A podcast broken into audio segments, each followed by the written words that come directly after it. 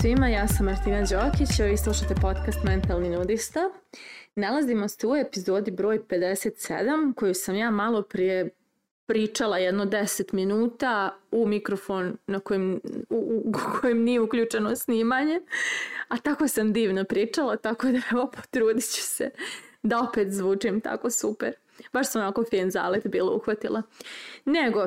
bliže nam se nova godina, Sa novom godinom se bliže teme odluka, promjena novih navika, novih obećanja koje dajemo sebi i baš ovu epizodu želim da posvetim toj putanji koju treba da prijeđemo i koju moramo da prijeđemo da bismo usvojili neku novu naviku, a koja često nije onakva kako smo se nadali. Znači mi obično nešto sebi obećamo i onako entuzijastično krenemo u nekom pravcu i nešto za sebe smislimo I onda je, očekujemo jeli da će to sve da ide nekako pravolinijski, kao e, ja sad odlučim, ja sad sve to tako uradim i to se tako desi, ja sam nova osoba i to je to. Međutim, ono što se obično desi je da nakon te prve faze entuzijazma, kada ćemo sve i odjednom da mijenjamo, prođe par nedelja i mi se osvrnemo iza sebe i shvatimo da smo se nekako vratili na onu početnu tačku s kojoj smo krenuli i da ta promjena često nije integrisan u naš život i ne postoji tu. Međutim, uvijek ima načina da se ona ipak desi, iako ti načini možda nisu tako uh, očigledni, tako, pla- tako kako smo mi zamislili jednostavni, ti načini su tu. I, e, dakle, kao što sam rekla, kada donesemo odluku da nešto promijenimo, uglavnom imamo tu navalu entuzijazma i tu motivaciju da ćemo sada i odmah sve i odjednom da mijenjamo. Međutim, promjena mora da ima neki svoj proces iz razloga što naš dragi um ima neke svoje zakonitosti, a jedna od zakonitosti našeg uma je da kada neka navika, ponašanje ili obrazac uđu u domen našeg nesvisnog uma, i postanu naše nesvjesno znanje, tada je to jako teško promijeniti u neki drugi oblik ponašanja. Na šta tačno mislim?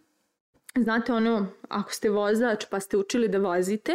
pa ste imali onu fazu prvo i neznanja i otkrivanja šta sve ne znate i svašta nešto. I onda je došla ona, zna, ona faza znanja, ono znam da vozim, ali moram četvor očiju da otvorim kada vozim i ne mogu ni sa kim da pričam koji, si, koji su vozač jer ja moram da se bavim svojom vožnjom. E to je ona svjesno znanje, znači nešto znamo, ali je to na nivou svjesnog uma i svjesni um mora time da se bavi aktivno da bi se to znanje sprovelo. Međutim, nakon mnogo ponavljanja to znanje pređe u nesvjesno znanje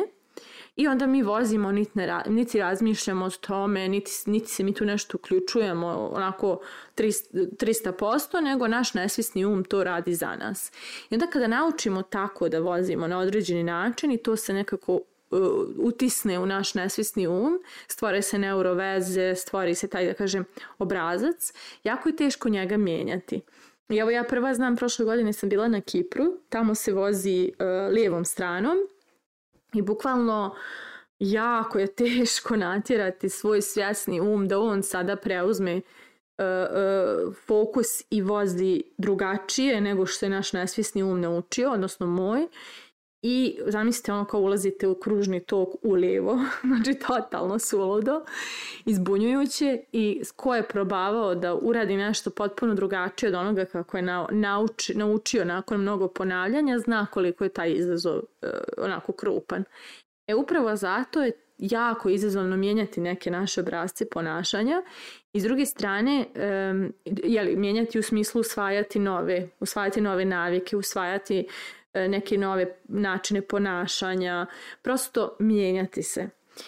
S druge strane, nagle promjene nose neku svoju težinu koja je jako komplikovana i zahtjevna i o tome vam najbolje govori čin, smrt kada izgubimo nekog koga nismo planirali da će otići iz naših života, koliko je teško i naporno i zahtjevno adaptirati se na tu neku naglu promjenu i na tu neku novu realnost i to je jako dug proces E, prihvatanja to, te tako nagle promjene e, i, i čak i rođenje, znači žena kada ostane trudna, čak i kada jako to željela,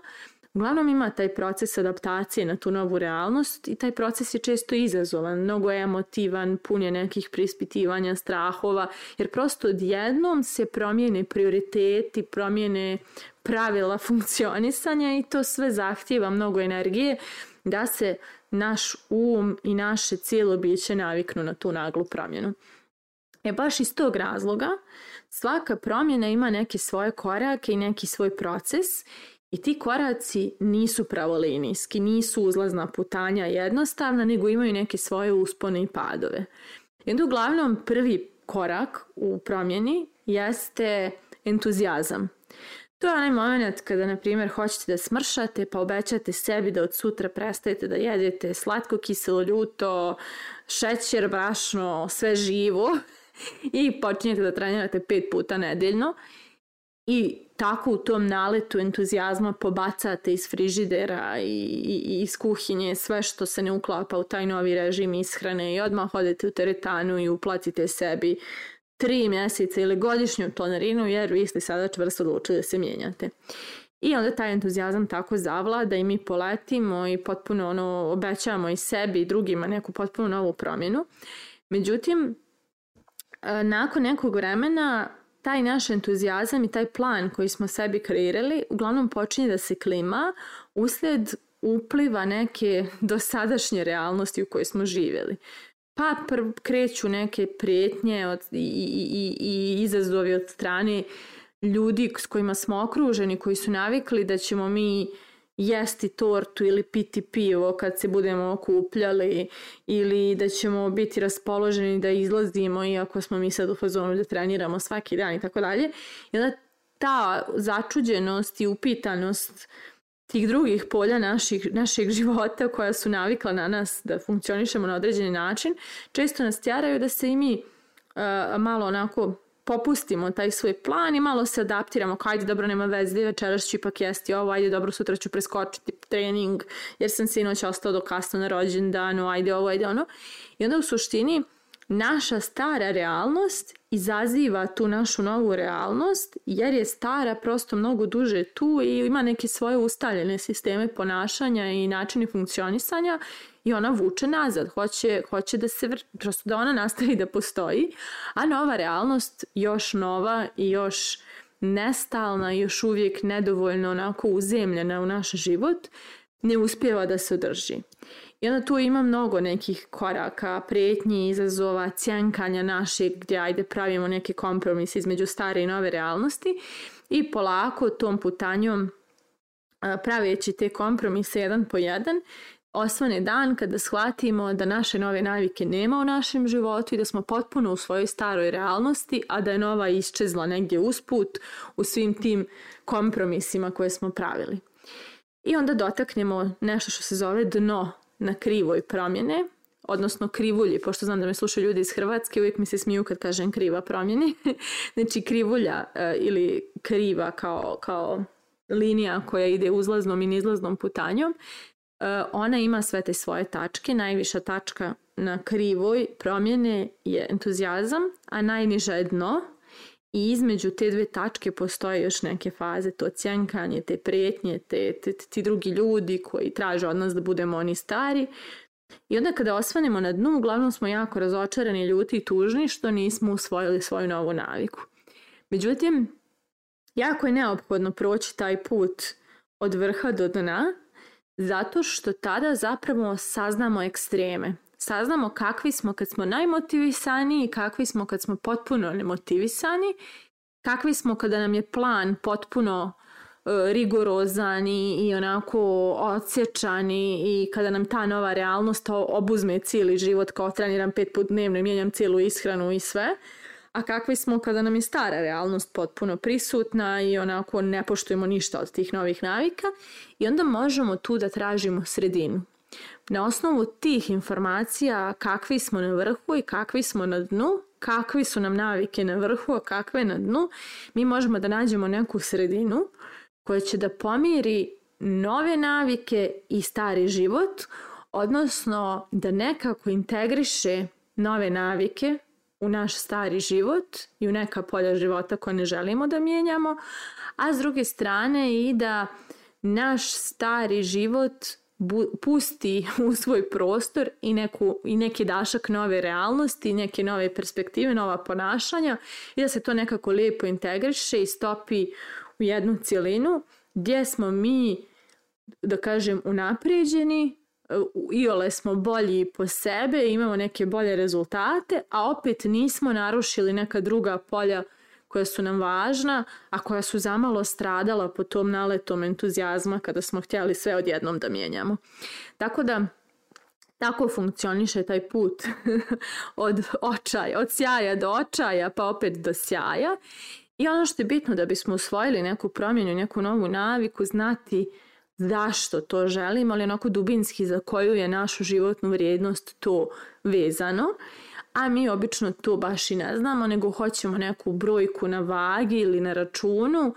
ili, ili ne znam, nebitno konfekcijski broj neki želimo da postignemo, ne razumijemo koju emotivnu komponentu to treba da nam donese. Tako da u suštini tako to sve negdje izgleda i um, jako je naivno vjerovati da će to samo onako pravolinijski da se desi sada i odjednom, jer činjenica je da naš sistem uh, E, e, naš neurosistem ne može to tek tako da iznese. I upravo u to ime e, ja i moja koleginica Jelena smo pripremili Akademiju istrajnosti koja počinje 11. januara i ostavit ću u opisu ovog podcasta link gdje šest nedelja vodimo ljude kroz taj proces usvajanja istrajnosti, odnosno usvajanja nove navike i baš te faze od sjaja do očaja pa opet do sjaja prolazimo zajedno kroz super zadatke, znanja, planove gdje će onako biti i zajednica puna podrške i e, super, super neka da kažem e, vježbe, znanja, iskustva, dijeljenja iskustva, sve što može da vas učini da stvarno, stvarno ostanete istrajni u prolasku kroz ovu ne tako zabavnu putanju usvajanja nove promjene. A ono što je možda najvažnije na Akademiji istrajnosti jeste da ćemo vas povezati sa tim svojim zašto, odnosno sa vrijednošću koja vam, koja, koja vam je glavni motivator na putu usvajanja nove navike i u suštini to je najneophodnije da znamo da bismo usvojili neku novu naviku, da znamo zašto to radimo i šta je to tako veliko u toj promjeni pa nas vuče da idemo naprijed. Ja to najbolje znam po tome jer kada sam odlučila da prestanem da jedem meso kao neko ko je veliki mesojed, moje zašto, odnosno moja vrijednost životna koja me odvela u tu promjenu je meni u jednom trenutku postala toliko važna, očigledna i jasna, odnosno postalo mi je jasno koliko se moja vrijednost sukobljava sa mojom navikom određene ishrane, da sam ja jako lako prošla kroz tu putanju promjene i stigla do promjene i evo već šesta godina ostajem u toj promjeni, bez, bez pomoke što se kaže. Tako da najvažnija stvar koju ćemo proći je baš to zašto i zato imam i pitanje za vas na kraju ove epizode, a to je da li znate svoj razlog zbog kojeg želite neku promjenu ili onako tumarate na slepo, daje sa idejom da morate da se mijenjate, pa se stalno vozate od tjaja do očaja. Mislite o tome, a mi se družimo u narednoj epizodiji.